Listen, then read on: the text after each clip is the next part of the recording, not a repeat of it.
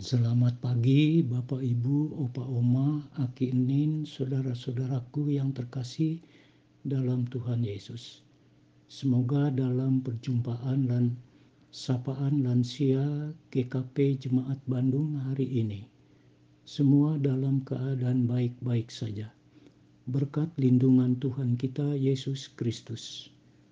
Pagi ini sebelum memulai aktivitas kita, mari bersama-sama kita mendengarkan firman Tuhan yang terambil dari Mazmur 62 ayat 6 sampai 9. Demikian sabdanya. Hanya pada Allah saja kiranya aku tenang, sebab daripadanya lah harapanku. Hanya dialah gunung batuku dan keselamatanku kota bentengku, aku tidak akan goyah. Pada Allah ada keselamatanku dan kemuliaanku, gunung batu kekuatanku, tempat perlindunganku ialah Allah. Percayalah kepadanya setiap waktu, hai umat. Curahkanlah isi hatimu di hadapannya. Allah ialah tempat perlindungan kita. Sementara Nats yang menjadi pokok pemikiran pada ayat yang sembilan. Curahkanlah isi hatimu di hadapannya.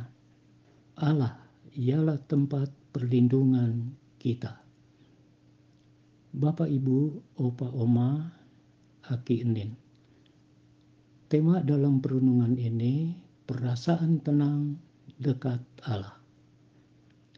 Hidup ini kita yakini dan rasakan tidak pernah lepas dari masalah-masalah secara sosial, ekonomi sehari-hari, sandang pangan yang memadai untuk keluarga masing-masing, terutama masalah kesehatan.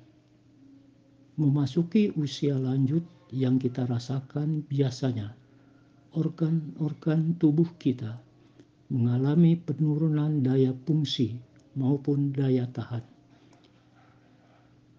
Secara manusia dan alami, tiada terbantahkan lagi oleh karena keadaan manusia ada batasnya. Jika kita memperhatikan secara menyeluruh dalam Mazmur 62 ini, ada tiga konteks ataupun konten. Yang pertama, Mazmur yang berisi kerinduan dan kepercayaan, yang rendah hati dan percaya penuh. Pemazmur menyerahkan perkaranya kepada Allah. Yang kedua, kehidupan manusia sedang menuju kehancuran. Dapat kita baca ayat 4 dan kelima. Tetapi di balik apakah yang sebenarnya dalam kehidupan manusia itu dapat kita baca dalam ayat yang 10 sampai 11. Dan yang ketiga, kuasa itu milik Allah yang menggunakannya dengan kasih dan adil. Ayat 12 dan yang ke-13. Kembali kepada nas kita ayatnya yang ke-9 curahkanlah isi hatimu di hadapannya. Allah ialah tempat perlindungan kita. Daud bukanlah manusia yang bebas dari masalah. Bahkan ia pernah diburu dan terancam bahaya maut justru karena ia melakukan hal yang benar. Karena Raja Saul iri hati kepadanya. Daud berada dalam kejaran pedang, kesesakan dan ketakutan menjadi kawan akrabnya. Tetapi Daud mendapatkan ketenangan sewaktu datang pada Allah. Ia tahu bahwa Allah menyertai dan melindunginya. Ia mencurahkan segala isi hati kepada Allah yang hidup. Ayatnya yang ke-8 dia mempercayakan diri sepenuhnya kepada Allah. Selama kita hidup di dunia, masalah akan selalu ada. Tetap saja kita merasa panik ketika hal itu terjadi. Rasa bingung lebih cepat menyergap kita daripada ide cemerlang untuk mengatasi masalah tersebut.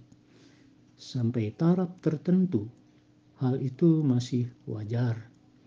Namun kita juga perlu mengingat bahwa kita memiliki tempat untuk mencurahkan segala kegalauan kita. Ketika gundah gulana meliputi hati, kita dapat datang menghampiri Allah kita dapat tetap tenang, tidak dikuasai kepanikan, dan menyapa segala dalam doa. Allah selalu mengerti apa yang sedang terjadi dalam hidup kita, dan jika Dia mengizinkan hal itu terjadi, Dia tentu mempersiapkan jalan keluar bagi kita, seperti sikap Daud. Marilah kita datang kepada Allah sumber jawaban dan jalan keluar bagi setiap masalah dalam hidup kita. Kita dapat datang dan bersujud di hadapannya, menaikkan doa, mencurahkan keluhan dan kesesakan di dada, dan nantikanlah kelegaan dan jalan keluar daripadanya melalui kuasa Allah dalam kasih dan setia dalam pelayanan kita masing-masing. Demikian Bapak Ibu renungan singkat kita pada pagi hari ini. Mari kita berdoa. Bapa dalam surga, Bapa yang maha baik, terima kasih atas kesempatan kami sebelum kami memulai aktivitas kami. Kami dapat menyapa melalui doa-doa kami. Khususnya bagi saudara-saudari kami, opa, oma, aki, enin, yang dalam keadaan kurang sehat. Biarlah ya Tuhan, Engkau dengan kuasamu yang besar akan dapat menyembuhkan dari segala sakit penyakit kami. Kami karena kami percaya bahwa di dalam kasih Tuhan ada ketenangan dalam hidup kami. Seperti Daud juga yang menyerahkan jalannya kepada kuasa Tuhan saja. Terima kasih ya Bapa atas kesempatan ini. Kami berdoa di dalam Tuhan kami Yesus Kristus yang menjadi juru selamat kami semua. Amin. Terima kasih Bapak Ibu, opa-opa, aki enin semuanya. Selamat pagi dan selamat menjalani aktivitas kita sehari-hari. Tuhan menyertai kita semua. Amin.